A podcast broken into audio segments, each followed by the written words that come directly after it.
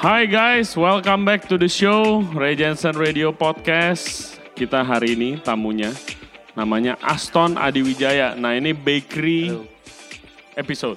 Pokoknya apa pun tentang bakery khususnya sourdough karena kita punya master baker di sini. Waduh. Apa kabar, bro?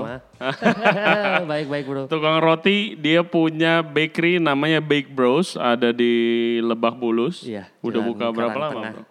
Kenapa? Ceritain dong toko lu ke listener. baru baru banget buka sekitar tiga minggu kurang lebih. Itu di Jalan Karang Tengah Lebak Bulus yang arah ke Cinere. Tepat depannya Bona Indah S Hardware kalau nggak salah. specialized produknya di Spesialis produknya kita di artisan eh, bread. Hmm. Di antaranya ada sourdough, ada croissant, terus ada roti-roti umum juga ada, roti manis juga kita jual, roti sobek kita jual juga. Oh, roti sobek juga? Iya, kita Mungkin jual. udah habis kali ya gue kemarin ke sana. Iya, iya, Nah, kemarin. Iya, jadi bakerynya ini rame sama eh, tante-tante, mama katanya banyak yang denger. Jadi untuk listeners eh, listeners podcast kita, eh, thank you for tuning in. Eh, hari ini kita bakal ngomongin eh, pertama backgroundnya Aston. Eh, karena very interesting dia udah pernah keliling dunia juga jadi tukang roti di seluruh dunia sebelum dia buka di sini. Terus juga kita mau ngomongin sebenarnya karena lagi ngetren ini apa sih sourdough yang bener Siap, gitu loh. siap. Jadi kan sekarang lagi ngetren nih. Nah pertama kita mulai dari background lu dulu. Ton, dulu lu eh, berdasarkan research gua kemarin lu pernah tinggal di eh lu pernah kerja di Arab eh di Dubai, Dubai, iya. di Dubai tapi Dubai. sama sekolah under di sekolah masak yang adanya di Paris kan Iya, namanya. Lenort. itu gimana ceritanya bro Jadi eh, background sebenarnya dari family background, bokap kan eh, backgroundnya pastry chef. Hmm. oh be- oh bokap udah pastry chef Iya Oke, backgroundnya. oke. Hmm, Dia juga punya perusahaan sendiri bergerak di baking ingredients. Nah eh, kebetulan ya secara nggak langsung gue ngikutin jejak bokap lah. Gue masuk ke NHI ke Hmm. apa namanya National Hotel Institute yang ada di Bandung. Yoi. Sekarang namanya STPB kalau nggak salah, Hmm. Sekolah Tinggi Perhotelan Bandung. Nah tapi gue belum belum sempet nyelesain kuliah gue, gue udah keburu harus kerja. Pada saat itu gue eh, dari training, terus gue lanjut kerja di Hard Rock Hotel Bali, Hmm. Terus gue cabut ke Starbucks Ini tahun berapa nih? Zaman dulu kan 2005 kalau kalau nggak salah. Hard Rock lagi terkenal-terkenal dong, Ya, hits banget benar, tuh benar, kan. Pokoknya keren banget lah ke Hard Rock gitu. Gue sampai mikir dulu tuh kerja di sana tuh everyday is holiday. Beneran, karena sebagai pekerja juga gue eh, enjoy banget lah, enjoy banget kerja di Di sana. sana sebagai apa lu kerja? Awalnya kan eh, baker training, Hmm. terus akhirnya ditawarin untuk eh, apa namanya kerja eh, serius di sana dan tapi nggak begitu lama sih karena waktu itu gue masih muda dan masih simpang siur, Hmm. masih belum terlalu into the bakery banget. Tapi sebenarnya di situlah eh, awal mula gue belajar croissant. Hmm. Yang ngajarin gue justru eh, orang Indonesia. Yang pertama kali ngenalin dunia croissant ke gue itu namanya Chef Putu Sukanwaba. Dia yang megang eh, Crostil grupnya Jambu Luwak. Dia juga punya bakery di rumah namanya Legustan. Very well respected chef juga. Hmm. hmm. Nah pada saat itu gue masih masih labil lah sebagai anak muda. Jadi gue pengen ke kopi Hmm. waktu itu. Ya akhirnya gue dapat kerjaan di Starbucks Indonesia. Ditaruhnya di Plaza Indonesia kalau nggak salah waktu itu. Oke, Jadi oke, gue pindah. Nah, itu di cuman- yang di X itu bukan sih? Yang, Yang di- kecil banget bukan? Enggak, yang di PI, Plaza Indonesia. Oh yang di PI yang Ah, iya, yang di lobby. Iya, oh oke. Di lobby. Dan zaman dulu itu masih eh, manual. Maksudnya mesin kopinya masih harus temper lah segala macem, Hmm. nggak nggak pencet-pencet kayak sekarang lah. Dan ya menurut gue waktu itu eh, keren banget sih kayaknya. Hmm. Tahun 2005 lah belum begitu kopi nggak kayak sekarang lah. Hmm. Nah cuman karena gue juga anak pertama dan gue merasa, waduh kalau gue kerja gaji segini gitu, gue mau bantu keluarga gimana nih gitu. Pada saat itu memang bokap baru transisi antara dari perusahaan besar, kebetulan bokap lama kerja di di Gandumas Kencana, eh, eh, sorry di Selindo Indonesia dia satu grup sama Gandumas Kencana dan Prambanan Kencana satu Oke. owner juga. Prambanan tuh supplier ya guys, Ya. supplier salah satu supplier paling besar lah. Betul. Mm-mm. Nah, bokap juga salah satu orang yang terlibat dalam pembuatan coklat kolata pada saat itu. Nah ini ya nanti itu gue pengen cari tahu lagi sih kayak ya lu adalah maksudnya anaknya bokap lu yang punya perusahaan besar yang bergerak di bidang supplier bakery juga gitu. Iya. Tapi ini anaknya malah jadi artisanal sourdough and croissant Iya, du- baker. dua dunia yang berbeda. Iya. Oke oke. Terus terus eh, nah kapan lu decide lu kerja ke Dubai? Nah, pas gua lagi di Starbucks, gua baca apa namanya eh, iklan baris di Kompas. Di situ eh, mereka perlu eh, karyawan untuk di Lenord Paris. Dengan eh, kalau nggak salah persyaratannya tuh mereka kasih free kita baking course 6 bulan. Tapi persyaratannya setelah baking course itu kita bersedia ditempatkan di Lenord mana pun di dunia. Hmm, Oke, jadi mungkin gue jelasin dulu Siap, Lenot itu guys L E spasi N O T R E itu salah satu sekolah masak terbaik di Eropa, adanya di Paris. Betul. Sama seperti dulu sekolah gua Cordon Bleu. Nah, menurut gua Lenort ini jauh lebih apa ya, lebih sekolahnya lebih besar dari Cordon Bleu pada saat itu ya. Iya. Kalau saat ini mungkin udah sama dan dia punya chef semuanya tuh award winning setahu gua. Dan eh, biasanya sekolah-sekolah masak di Eropa itu ada program scholarship di mana lu bisa jadi asisten chef dulu atau kerja dulu.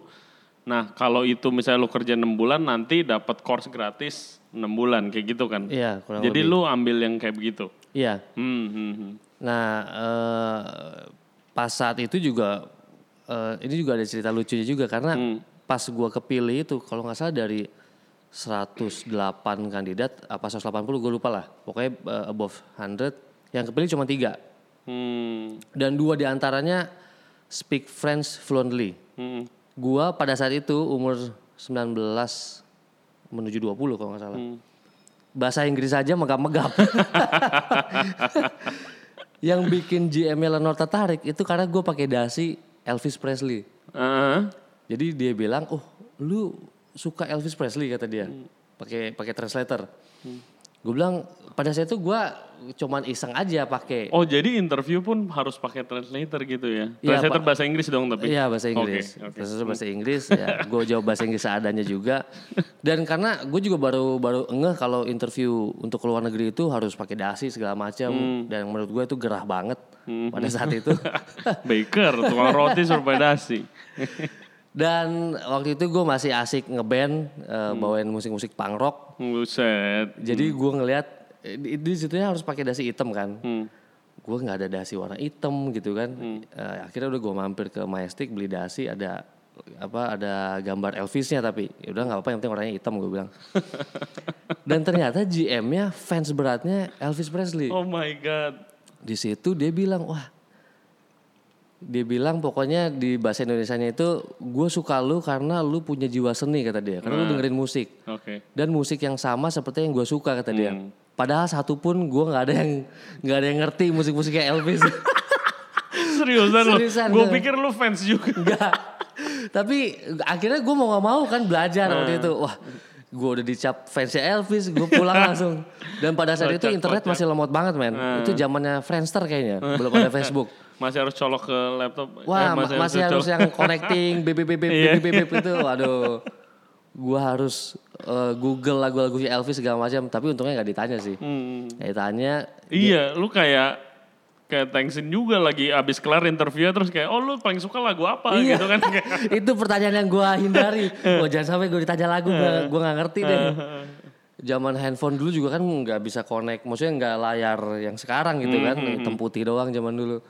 Aduh, jadi ya itu salah satu gua keterima di Lenorte sebenarnya itu bukan karena gua kuliah di perhotelan segala macam enggak. Jadi lu sempet tapi sempet di Paris berarti enam bulan. Iya. Lu belajar, lu actually be- became a student, lu belajar Ya itunya betul gitu betul. ya. Memang tapi memang yang diajarinnya yang industri, Hmm. bukan yang yang untuk apa education program itu bukan. Jadi Oke. resepnya pun langsung resep yang nanti dipakai untuk di industri Hmm, gitu. Oke, oke. Dan pada saat itu untuk gua yang sekolah di di sini gitu ya. Terus diajarin hal-hal baru yang jatuhnya udah kayak ke mass production system gitu. Uh, gua stres juga tuh nerimanya semuanya. Uh, gue bilang pusing juga ya dunia. Karena alasan gue waktu itu sekolah perhotelan juga itu buat ngindarin eh, hitung-hitungan. Gue lemah di matematika soalnya. Heeh. Mm, mm, mm. Nyemplung ke bakery gagal Kebanyakan total. semua semua orang di di profesi ini lemah sih. lemah gua hitungan juga ya. gua juga soalnya. Tapi pas masuk ke bakery ternyata karena dari zaman dulu gue paling benci tuh matematika sama kimia. Hmm, hmm. Pas nyemplung ke bakery itu dua dunia yang nggak bisa lepas. Kimia sama matematika. Hmm. Gue bilang mati gue gue. karena pertama kali diajarin itu ya di di kampus di Bandung juga diajarin dan di Lenor juga diajarin lagi itu Hmm. kita ngebedah tentang bakers percent itu kalau kita bikin formula resep kita udah harus bikin bakers percentage-nya berdasarkan 100% Apa dari tuh coba jelasin dong ke listeners Jadi, kita Bakers Percent. untuk- Nah ini take notes nih guys ya. Ini master baker nih. Waduh, tukang roti lah, belum master lah. Jadi eh, di dunia bakery profesional, kalau kita bikin formula resep itu ada guidance-nya namanya baker's percentage. Itu biasanya kita ngitung semua bahan baku eh, berbanding dengan 100% total tepung. Jadi berapapun jumlah tepungnya kita anggapnya 100%. Hmm. Gitu. Misalkan kalau di satu resep tepungnya ada dua jenis tepung misalkan ada kita pakai 700 gram eh, apa namanya high protein flour terus sama 300 gram rye flour. Nah, 700 plus 300 itu jadinya 100% tepung. Hmm. Nah, kita ketika kita ngomongin airnya kita let's say kita main di air di 800 gram. Nah, itulah yang dimaksud dengan hidrasi 80%. Oke, kalau orang bilang hydration nih, biasa kalau sekarang nih di Instagram kan everybody is a baker sekarang kan. Ada hydration berapa persen? Oh, itu berarti kandungan air di Iya, dalam kandungan total liquid Iya, di dalam 100% tepung itu. Oke, oke, oke. Nah, terus dan di situ lu pertama kali ke expose sama maksudnya the amazing world of bakery gitu. Gimana perasaan lu sebagai lu baker, yang baker tiba-tiba lu ke expose sama lu tinggal di Paris yang kayak bread is life di sana gitu. Jujur waktu itu nggak mikirin ke sana Mhm. karena juga di trainingnya lebih ke pastry, Oh. lebih ke coklat Oke. pada saat Aduh, itu. gua gua nggak suka banget men masak coklat. Sorry buat chocolatier chocolatier. Dulu gue masih Tapi, suka. tapi gue gua hampir nggak lulus gue gara-gara coklat kalau gue Iya. di Paris. Oke oke. Terus terus terus. Nah cuman pas semenjak gue terjun ke factory-nya Lenord, di situ gue baru bener-bener ngelihat dunia bakery yang menurut gue amazing banget. Uh, which is gue dari dapur pastry yang ngerjain kue-kue sama apa uh, coklat, which is itu amazing juga gitu ya maksudnya. Tapi pas gue ngeliat dunia bakery, gue bilang oh, dan di sana kan bener-bener uh, sesuai pakem dalam arti kata Ya kalau misalnya resepnya begini, lu perlu pakai lewang, ya lu pakai lewang. Lu nggak bisa ini ragi ya, ragi alami, starter ragi kalau alami. kita iya. sebutnya. Oh iya, ragi alami. Sorry chef. Betul. Ragi alami. Oke. Yeast kalau ragi. Iya iya. betul. Hmm. Dan itu gua ngelihat baker-baker, maksudnya si head baker head baker karena ada banyak kan Hmm. di di bagian roti sendiri ada dua head baker kalau nggak salah. Itu mereka sampai shouting ke anak buahnya untuk nggak lupa feeding si Hmm. levang itu. Gue bilang, apaan nih gue bilang cuma, cuma ngasih makan tepung begini aja sampai diteriak-teriakin gitu kan. Iya iya iya iya. Kok sampai kayak kayak jangan lupa ngasih makan ke kucing gitu ya, ke anjing Hmm. gitu bener-bener. Karena oh ternyata kalau ini mereka lupa dan segala macam besok produksi kan pakai ini nih. Hmm. Oh itu efeknya bener-bener. Nah, oke kita ngomongin ini deh. Kalau begitu lu ngomongin lebang. Nah, ini guys di depan gua kalau yang lagi dengerin kita di Spotify, sorry nggak kelihatan. Tapi eh, yang di YouTube ini itu namanya lebang. Ya Yes, kan? starter, starter. di mana ini anggap aja kalau ini gua orang awam roti nih kayak ini yang bikin roti itu ngembang Iya. kalau tanpa ragi Secara tapi ini natural. lebang ya ini dalamnya itu adalah bakteri kan Yes, ada sebenarnya ada dua jenis bakteri. Oke, jadi eh, sorry, mendingan lo aja yang jelasin dulu. Gak apa-apa. Ini ada dua jenis bakteri, ada wild bacteria yang yaitu ra- ragi liar. Gue lupa nama nama saintifiknya apa. Pokoknya kalau yang ragi instan itu kalau nggak salah nama saintifiknya itu Saccharomyces cerevisiae kalau nggak salah. yang Atau lagi instan. Fermipan. Ah itu merek. Iya, itu merek. Nah kalau ini gue lupa nama nama saintifiknya apa. Nah yang satunya lagi di dalam ini makanya tadi ada dua jenis bakteria. Yang satunya lagi yaitu lactic acid bakteria. Dan mostly perannya si lactobacillus ini yang bikin sourdough itu asam. Makanya namanya sourdough, ya Oke. adonan asam. Karena perannya si lactic acid bakteria ini yang create aroma, taste, Oke. eh, sampai Ada dengan flavornya lah ya. flavornya gitu. Dan kalau wild, kalau lu bilang ini wild bacteria, mungkin nih stupid question. Tapi nggak ada dua starter yang sama dong. Yes. Jadi misalnya di rumah lu, lu punya sama gue bikin di sini beda. Apalagi di negara lain gitu Yes. segala macam. Beda. Oke. wow, that's so interesting. Even misalkan dari eh, ini anggapnya eh, mothernya gitu ya, eh, biang biangnya si si starter tadi, terus gue kasih ke orang, Hmm. terus pola feeding ataupun eh, jenis bahan baku yang dipakai untuk feedingnya berbeda. Hmm. Eh, suhu ruangan kelembaban yang dia biasa lakukan untuk feeding berbeda itu akan menghasilkan bakteri yang berbeda pula. Oke, mungkin masih banyak yang eh, bingung nih dengerin ini tepung di dalam Tupperware harus dikasih makan. Maksudnya apa? Maksudnya apa? Karena gue waktu gue pertama kali terekspos sama sourdough ini karena gue dikasih tahu temen gue yang tinggal di US, dia bilang lo harus baca buku ini belajar buku Tartin. Oh, Tartin, Iya. Chad Robinson. Iya, Tartin itu kan eh, Tartin Bakery itu kan salah satu bakery yang terkenal lah di, Betul, di betul. dunia kan. Well respected. Dan dia bikin kayak sourdough movement gitu Yes. kan. Nih harus gue baca bukunya, gue bingung. Kayak di kotak begini harus dikasih makan tiap hari, terus harus ada yang dibuang atau dipakai. Iya. Ngapain? Ya, gue gue bingungnya itu. Betul, gitu. betul, Gua betul. itu. Oke, coba jelasin proses feeding ini. Oke, em, Karena ini benda hidup harus dikasih makan guys. Betul. Nah. Jadi bakteri yang kita ngomongin dari tadi itu itu benar-benar 100% alive, hidup. Hmm. Jadi kalau misalnya ada yang ngelihat tadinya segini tiba-tiba jadi gede, itu karena bakterinya multiply. Hmm. Dan mereka multiply karena ada makanan di dalamnya. Jadi eh, makanannya apa aja? Mostly itu Gula bukan sih? yes, yang ada di dalam pati. Hmm. Itu kan breaks breakdown jadi amilase kalau nggak salah. Hmm. Gitu. Jadi source yang paling utamanya itu gula yang ada di dalam pati si tepung. Hmm. Gitu. Bukan gula biasa, bisa gak? Ada juga yang kasih madu, kasih malt syrup, Oh, ada yang kasih gula juga, gue itu dengar. supaya beda rasa. Eh, mostly kayaknya sih biar bakterinya lebih activated aja. Oh, gitu. oke, oke, oke. Tapi kalau sebenarnya gini, kalau memang kitanya apa namanya detail, sequence eh, dan sabar yang paling penting Hmm. dalam eh, ngasuh si starternya Hmm. itu sebenarnya dia bisa sehat tanpa nambah-nambah apa pun itu. Oke. Gitu. Karena ini dari Jadi awalnya sama kayak punya binatang pet lah, kayak ya benar. Oke, oke. Dan ini umurnya udah berapa, Bro? Ini dari- Namanya siapa ini? nah ini menarik ya karena banyak ibu-ibu pada nanya, Chef eh, starternya dinamain apa? Karena basicnya gua berangkat dari karyawan dari pekerja, Hmm. jadi ini nggak gua namain apa-apa. Karena pada saat ini ini suatu kewajiban. Jadi setiap baker lu harus bisa build your own levang. Hmm. Pada saat itu di Lenord.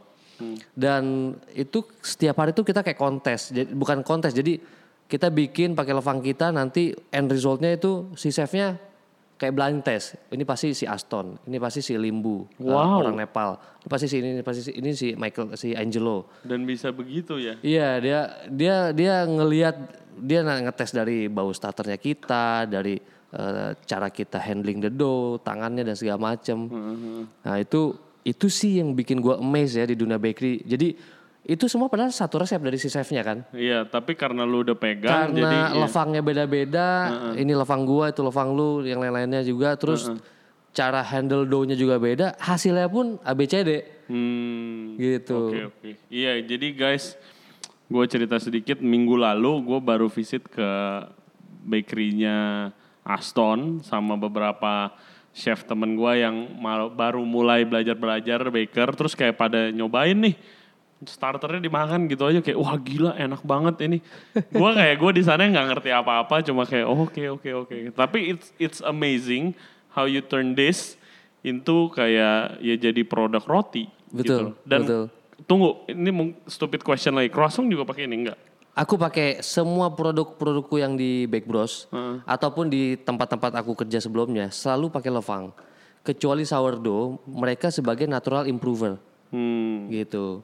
Eh, bukan sebagai natural leavening agent yang kayak di sourdough, which is dia ngembanginnya karena dari sini. Tapi kalau kayak croissant, terus aku juga ada apa namanya roti sobek, Mhm. roti tawar gandum, terus eh, roti-roti yang lainnya, roti, even roti manis. Iya. Itu kita pakai levang Oke. sebagai natural improver. Kenapa? Karena dia yang paling signifikan dia nambah elasticity dari adonan Hmm. gitu. Dan untuk proses eh, industri kayak kita eh, itu sangat-sangat eh, efisien ketika di mixing time.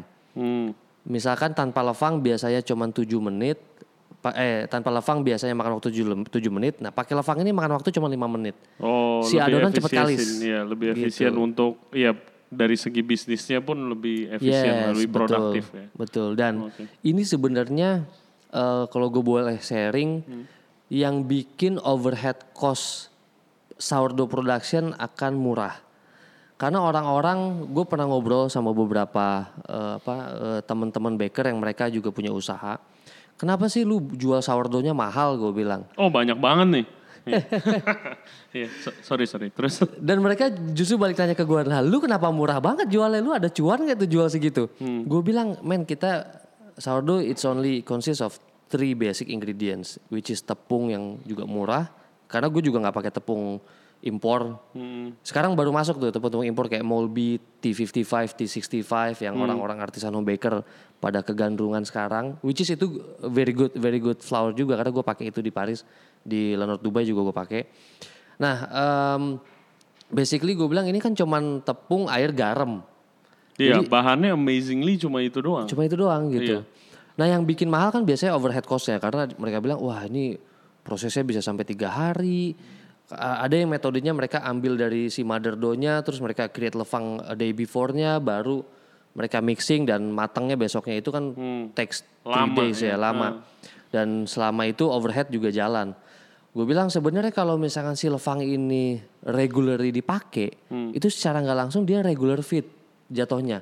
Kita ngasih makan dia jadinya regular. Iya, lu pakai, lu ambil, terus lu harus isi lagi Isi kan? lagi tiap Iya, hari. heeh. Nah, gimana caranya biar jadi regular fit? Ya, kita pakai ini di setiap produk kita. Hmm. Otomatis nggak nggak mangkrak nih si si starter gitu. Hmm, Tapi memang yang trikinya nggak bisa di persentasenya disamain tumplek blek. Oh kalau sourdough rata-rata range-nya make di 20 sampai 25 persen. Hmm. Yaudah deh gue pakai sama juga di croissant dan lain-lain. Oh enggak. Karena acid bakteria itu juga ada kelemahannya gitu. Dia kalau misalkan dikonsis adonannya yang banyak gula dan segala macam, salah-salah dia bisa over acidity dan itu bisa breaks the gluten. Hmm. Nah ini juga mungkin mungkin uh, baker yang lain udah udah pernah coba uh, apa uh, saran dari gua mereka nggak berani pakai levang lagi karena mereka bilang kok ngerusak adonan gua ya gitu. Itu akan rusak kalau memang pemakaian persentasenya disamain kayak pakai sourdough atau mungkin lebih. Oke. Karena banyak juga yang, yang pola pikirnya begini, oh roti manis kan itu berat adonannya ada telur, gula, fat dan segala macam. Berarti biar ngebangnya cepat gue tambahin nih levang sebanyak-banyaknya. Oh, nggak bisa begitu nggak bisa. juga. Itu bakal break the gluten gitu. Iya, ini amazingly ya bener tadi lu bilang ada chemistry-nya juga dan ini kayak cuaca juga berpengaruh Bener. katanya gitu kan. Jadi berarti teknik lu waktu lu bikin di Dubai dan di Paris sama lu waktu bikin di Indonesia itu beda. Kayak apanya sih yang bikin beda? Emangnya kalau lebih lembab kenapa? Apa yang terjadi Nah. kalau lu lagi ngadon hujan? Oke, ini ini ini jangankan main sourdough. Eh, orang tua jadul yang bisnis roti juga ngomong begini ke gue. Pernah pernah gue dapat nasihat juga. Aston, kamu kalau ngaduk roti manis yang bagus itu di pagi hari, jangan di siang hari. Gue bingung juga tuh jawabnya. Gue bilang "Ken- bedanya apaan gue? karena mereka bilang, oh ternyata karena eh, pada zaman dulu kan eh kayak water control temperature kan nggak nggak nggak kayak sekarang gitu. Ada dispenser, ada yang lain terus es batu juga kan repot mungkin dulu ya ngebekuin sendiri dan segala macem. Eh, jadi mereka ngejar udara dingin untuk karena adonan yang bagus itu suhunya berkisar antara 27 sampai 28. Oke. gitu. Itu eh, suhu adonan umumnya yang yang yang sehat. Hmm. Dia nggak terlalu panas karena kalau terlalu panas dia cepat kering si eh, bagian luarnya adonan. Ketika adonan cepat kering, untuk kita handlingnya, aduh susah dia Hmm. gitu. Nah jadi gua nangkapnya waktu itu dari situ. Nah untuk ke starter juga sama. Beda kelembaban, beda moisture, beda suhu itu semua ngaruh. Dan yang paling penting lagi ngaruhnya kenapa? Karena kita berhubungan langsung sama bakteri alami. Hmm. Jadi gue pernah juga eh, random gue feeding di pagi, gue feeding di sore gitu ya.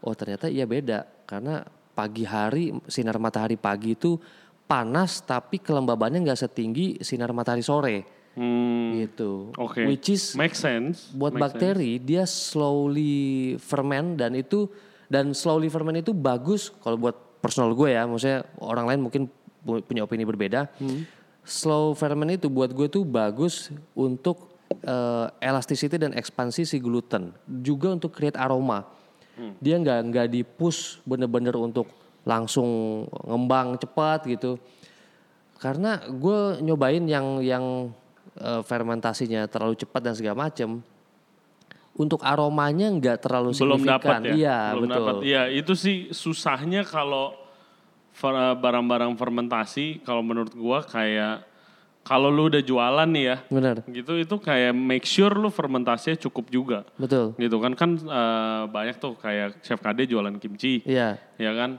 Terus eh, ada banyak banyak teman gua lah yang jualan kimchi juga, ada beberapa juga. Kadang belum jadi. Nggak usah gitu deh kalau lu makan ke restoran Korea, kadang kalau yang ramai banget tuh kimchi belum jadi udah disajiin kayak ya lu makan sawi mentah doang gitu kan ya sourdough juga sama, ya, Iya, sama gitu ya. Seperti itu.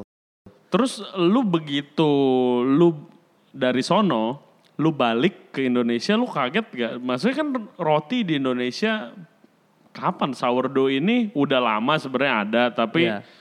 baru ngetren terakhir-terakhir. Benar. Eh, kebanyakan roti di Indonesia itu kalau ngomongin country bread, baguette segala macem, croissant pun itu paling baru ngetren waktu ada salted egg croissant tuh kemarin. Iya. Iya kan terus eh, ya roti-roti kayak country bread gitu dibagiin gratis di restoran sebagai pembuka Iya. gitu kan jadi itu orang susah untuk appreciate benar, benar, kalau benar. gua dulu nyobain roti pertama kali enak ya waktu gua tinggal di sana Iya, kayak dia bilang kayak ya kalau kalau breakfast ya minum kopi susu Bener. sama croissant betul. Nah itu baru dan di sana pun gue sadar oke enak enak enak. Gue bener-bener sadar waktu gue balik ke sini kok beda jauh ya gitu ya, kayak gitu. Tesnya kayak nggak dapet gitu ya. Hmm, nah gimana buat seorang baker? Nah itu bener-bener gue ngerasainnya pada saat karena pas gue pulang ke Indonesia 2012 Frustrated gak awal? Frustrated bukan bikinnya jualnya Hmm.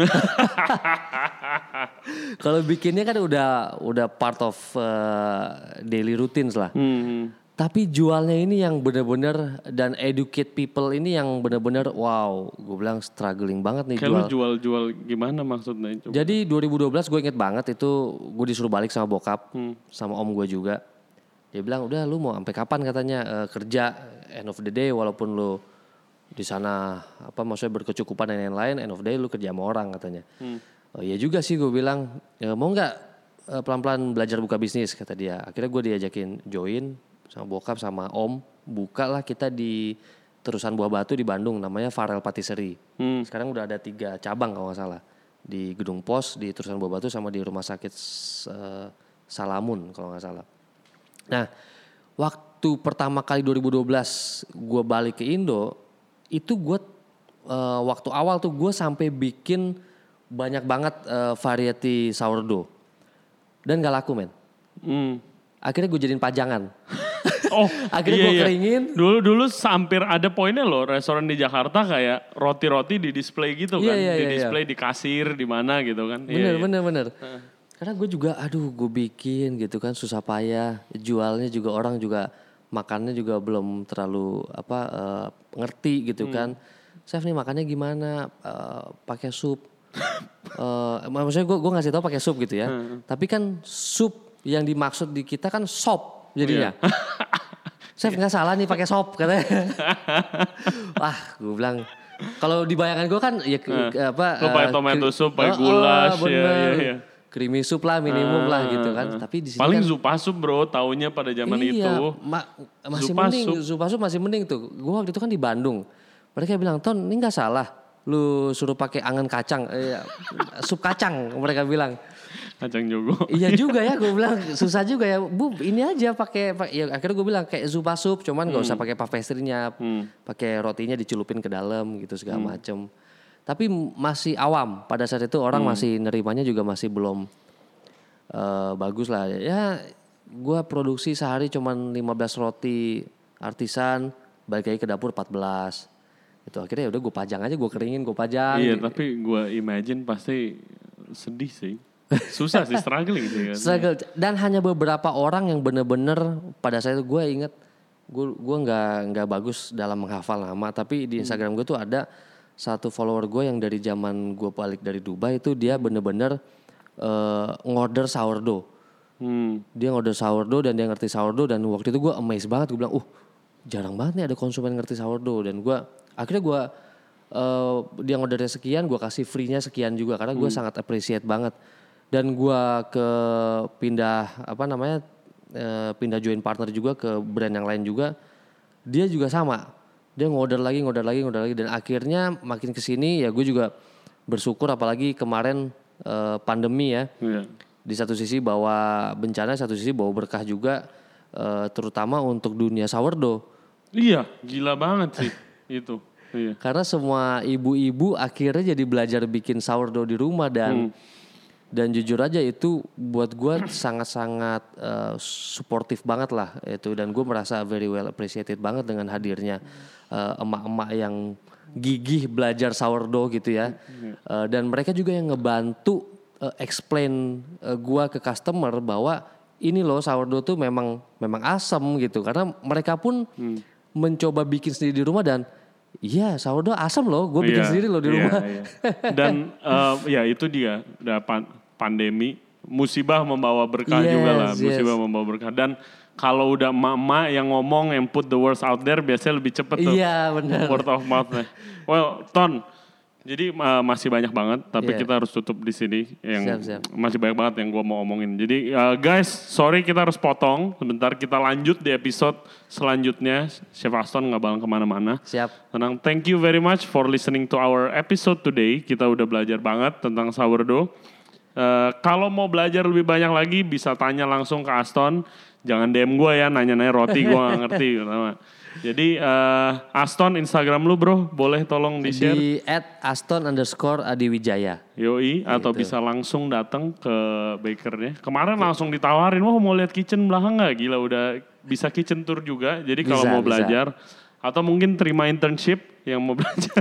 intensif belum karena kemarin ada bawa bapak dari Bandung dari Lembang Eh, sama anaknya langsung ready to work saat itu juga Gila. anaknya suruh bawa balik mobilnya dan dia dia juga eh, ini apa artisan noodle maker. Noodle maker. Iya, karena Oke. dia langsung demo bikin artisan noodle di depan gua dan karyawan. Saat itu juga ceplok-ceplok kayak di oh, lamian. lamian, lamian. Iya, kayak lamian Gila. gitu. Gila. Dan dia sampai saking pengennya intensif, kita barter ilmu gua ajarin lu bikin noodle, Hmm. lu ajarin gua bikin sourdough, dia bilang gitu. That's so Cuman gue bilang gua waktunya untuk ngajarinnya belum ada gue bilang karena gue sendiri masih Hmm. Iya, baru turun sih baker lu Oh, baru. gue masih turun tangan langsung ke produksi. Jadi Hmm. Pak mungkin nextnya untuk intensif mudah-mudahan bisa. Nggak bisa kemarin tuh nggak bisa. Hmm. Gue bilang belum bisa lah. Belum bisa. Oke oke. Nanti kapan-kapan bisa. Dan guys, jadi gue udah nyobain bakery-nya Aston, sourdough-nya menurut gua yang bikin spesial itu very very biarpun sourdough and kayak country bread, tapi itu lebih light kalau gua ya. Iya. Gua nyobainnya lebih light dan itu gua nggak tahu gimana bikinnya, tapi cocok buat market Thank you, thank Indonesia. you, Market thank you. Indonesia belum emang baru kenal nih sourdough, tapi belum bisa makan yang terlalu berat. Kalau menurut gua Thank you. begitu. Jadi uh, oke kita lanjut ke episode selanjutnya. Thank you very much guys. Jangan lupa follow kita Thank you. di Instagram Ray Jensen Radio. Tadi Aston underscore Aston Adi underscore. Adi Wijaya. dan juga subscribe di YouTube channel kita. Atau punya kritik dan saran tulis di komen atau boleh email dan DM gua di Jensen Radio. Oke, thank you guys. See you next time. See you. Bye bye. Bye bye.